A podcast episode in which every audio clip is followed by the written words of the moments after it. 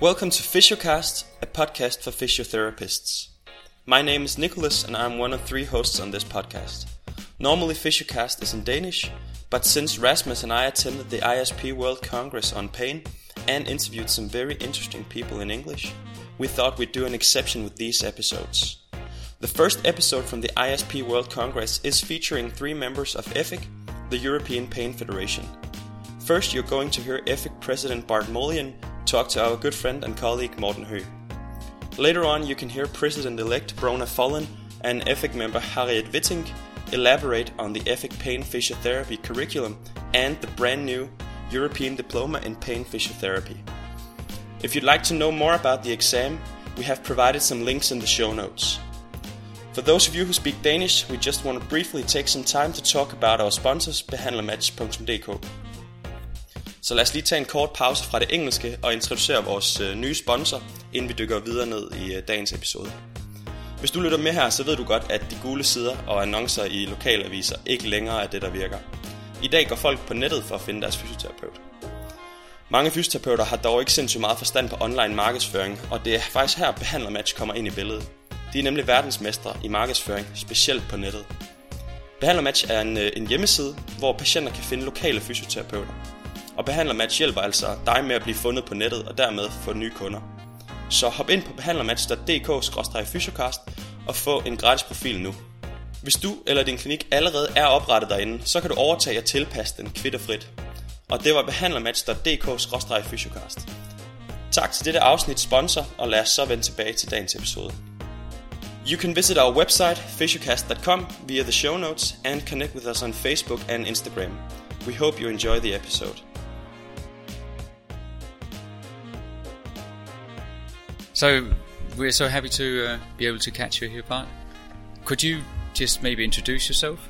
Yeah, my name is Bart Morlion. I'm the president of the European Pain Federation. We're a professional organization representing uh, 37 national pain chapters in Europe, and uh, this means that we're representing almost 20,000 healthcare professionals in the field of pain management, and it's multidisciplinary. So not only physicians, but also physiotherapists, nurses, psychologists, basic researchers. Cool. And your background is MD? I'm an MD, and I'm uh, heading a multidisciplinary pain center at the uh, University of Leuven in Belgium. Yeah. And we invited you here to talk about the new educational initiatives that come out of EFIC. So I know there's three pillars to the EFIC work. Could you just briefly mention those? Yeah, the, so our organization is built around three pillars, which are education, research, and advocacy. And education is on the front of our mind because uh, we noticed that there is a lack, a general lack of education in the field of pain and pain management in all levels of uh, medical st- studies, uh, healthcare professional studies, allied uh, professions, and so on and so forth, both on the level of undergraduate and postgraduate education. And uh, there are some good lighthouse initiatives in several European countries. What we want to achieve is that we set standards for education and that we offer also some help by creating curricula. And if we have a good curriculum, that means it has, it needs to be evaluated. So we offer also examinations. And we started with an examination focused on physicians and it's open for all physicians, not only specialists. And uh, it's a very general, broad um, area of um, not only knowledge but also competencies which uh, are examined and we're very happy that since uh, 2018 also the physiotherapists uh, have created their own examination and it's my goal as president to develop also an examina- curriculum and examination in the field of nursing and uh, clinical psychology. Sounds really good. So you talked about competencies and knowledge. So knowledge would be knowing something about pain science, I reckon. Indeed, uh, everybody uh, who is involved in the management of pain should at least have some broad proficiency knowledge on pathophysiology and physiology of pain, of course. But uh, nevertheless, you need also a very broad scope to know the expertise of your colleagues because it's uh, addressing especially chronic pain is something which needs to be multimodal. It needs to be interprofessional and to work interprofessionally, you need to know all the, er- the, the fields of expertise, meaning that you, for instance, if you're a physio, um, you do not need to know all about, for instance, pain medications, but you need to know that there might be some issues with pain medications. If you're a psychologist, you need to know also something about the possibilities of medical treatments and vice versa. Physicians need to know what is the, the field of expertise and what would be the added value of all the other players in, in the multimodal uh, approach of chronic pain. For instance, a good referral for physiotherapy involving the physiotherapist. And the way I communicate it to my patients, if you want to have um, better value in life with your chronic pain problem and we're not able to reduce it by more than 30, 40%, then you should acknowledge that we work on a medical technical level, but at the same time, the other pillars are even important. That's uh, uh, exercise and movement, and it's psychosocial support. Yeah. So we need the whole package. We need a whole package. And indeed. that was so, so on a knowledge, but also on a skill base. I so I was lucky to take part in the PT development and mm. the exams there, and I think the idea that we actually try to give people a case where they can work from their own case perspective, and what we are trying to make them do or present to us during the exams would be how would you deal with this patient? So it's it's also very clinical. Would you agree? Indeed, indeed, and that's that's really what we want. Um, in the examinations, we really stress also clinical skills and competencies, not only knowledge, and this is reflected in part of the examination is done by OSCEs, which means objective structure clinical examinations, where actually you work with uh, clinical situations, SIMPAT patients, simulated patients, uh, with observers, and that's the best way to evaluate also not only knowledge but also skills and competencies. Excellent. Thank you very much okay. for your time, Bart. Great. Thank you.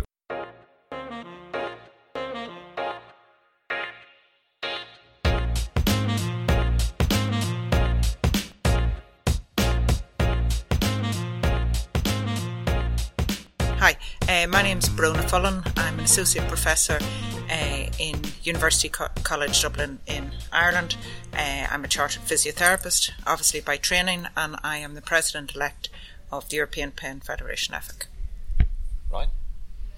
And I am the chair of the Lifestyle and Health Research Group at the University uh, uh, of Applied Sciences in Utrecht.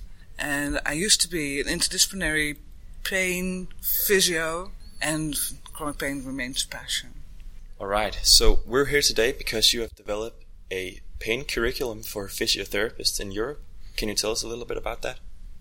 I suppose, as you know, uh, EFIC is a multidisciplinary uh, organisation, and following on from uh, the development of a pain curriculum and pain diploma exam in medicine, uh, we took the opportunity to repeat this exercise uh, with physiotherapy. The main aim of which was to standardise, I suppose, the um, pain care for patients uh, across uh, Europe by developing a curriculum and I suppose highlighting the core uh, areas of competency that are needed uh, for physiotherapists to manage people uh, with pain.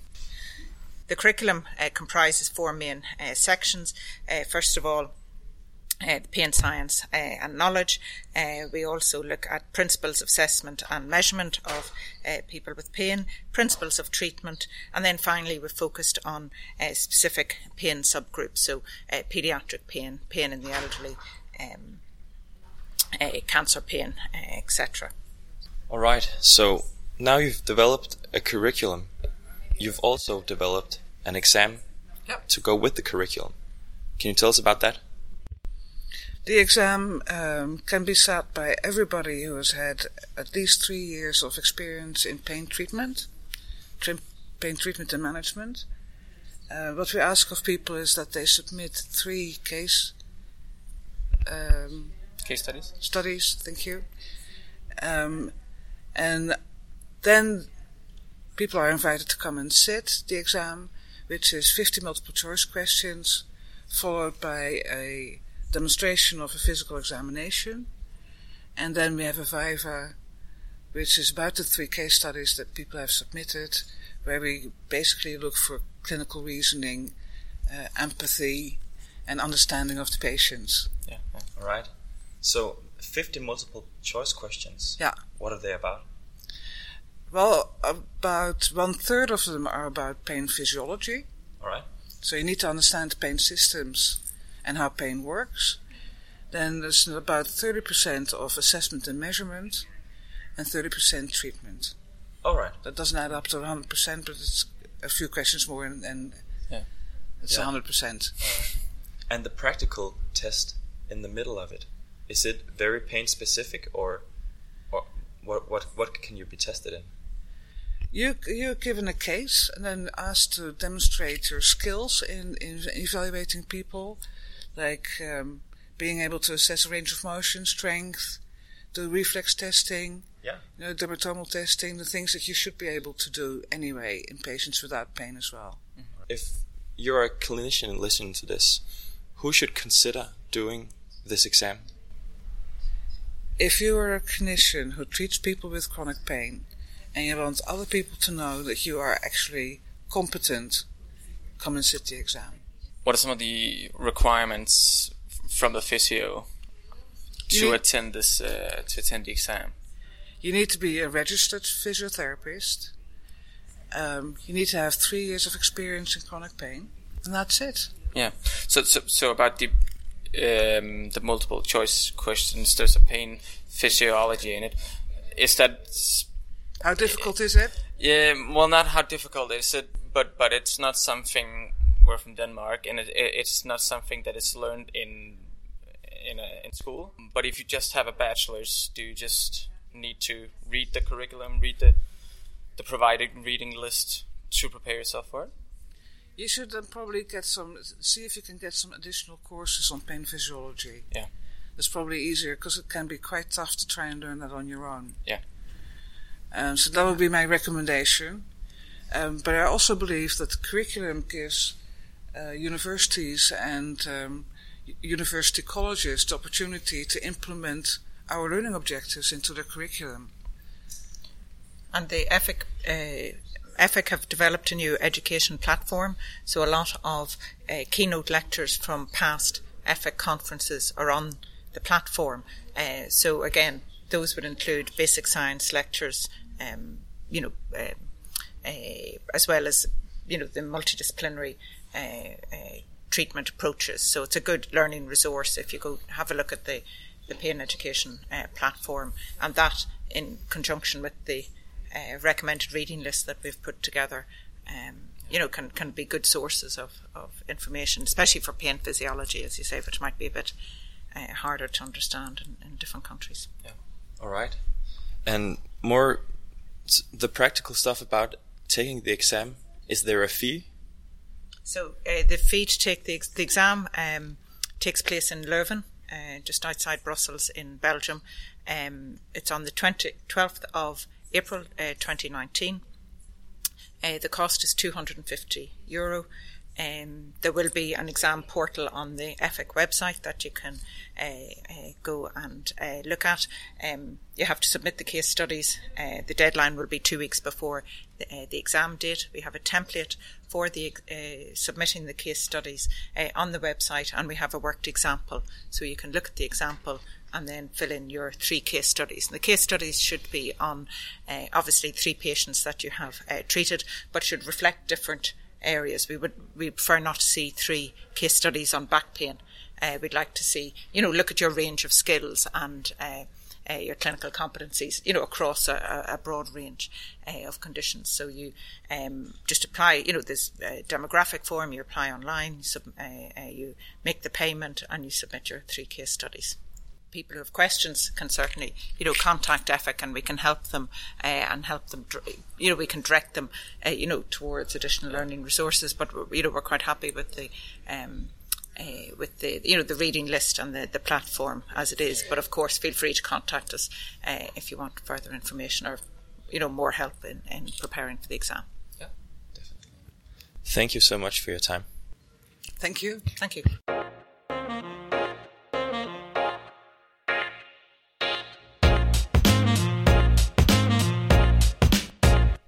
Thank you so much for listening to our episode featuring EFIC. If you are interested in learning more about the European Diploma in Pain Physiotherapy, visit our show notes where you can find links to all the things that I mentioned in this episode.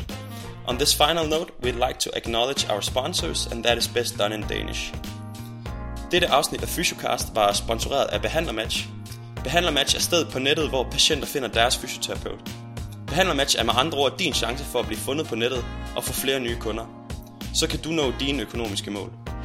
Så hvis du er fysioterapeut og gerne vil tjene nogle flere penge, så gør dig selv en tjeneste og hop ind på behandlermatch.dk-fysiocast med det samme. Stay tuned for more episodes from the ISP.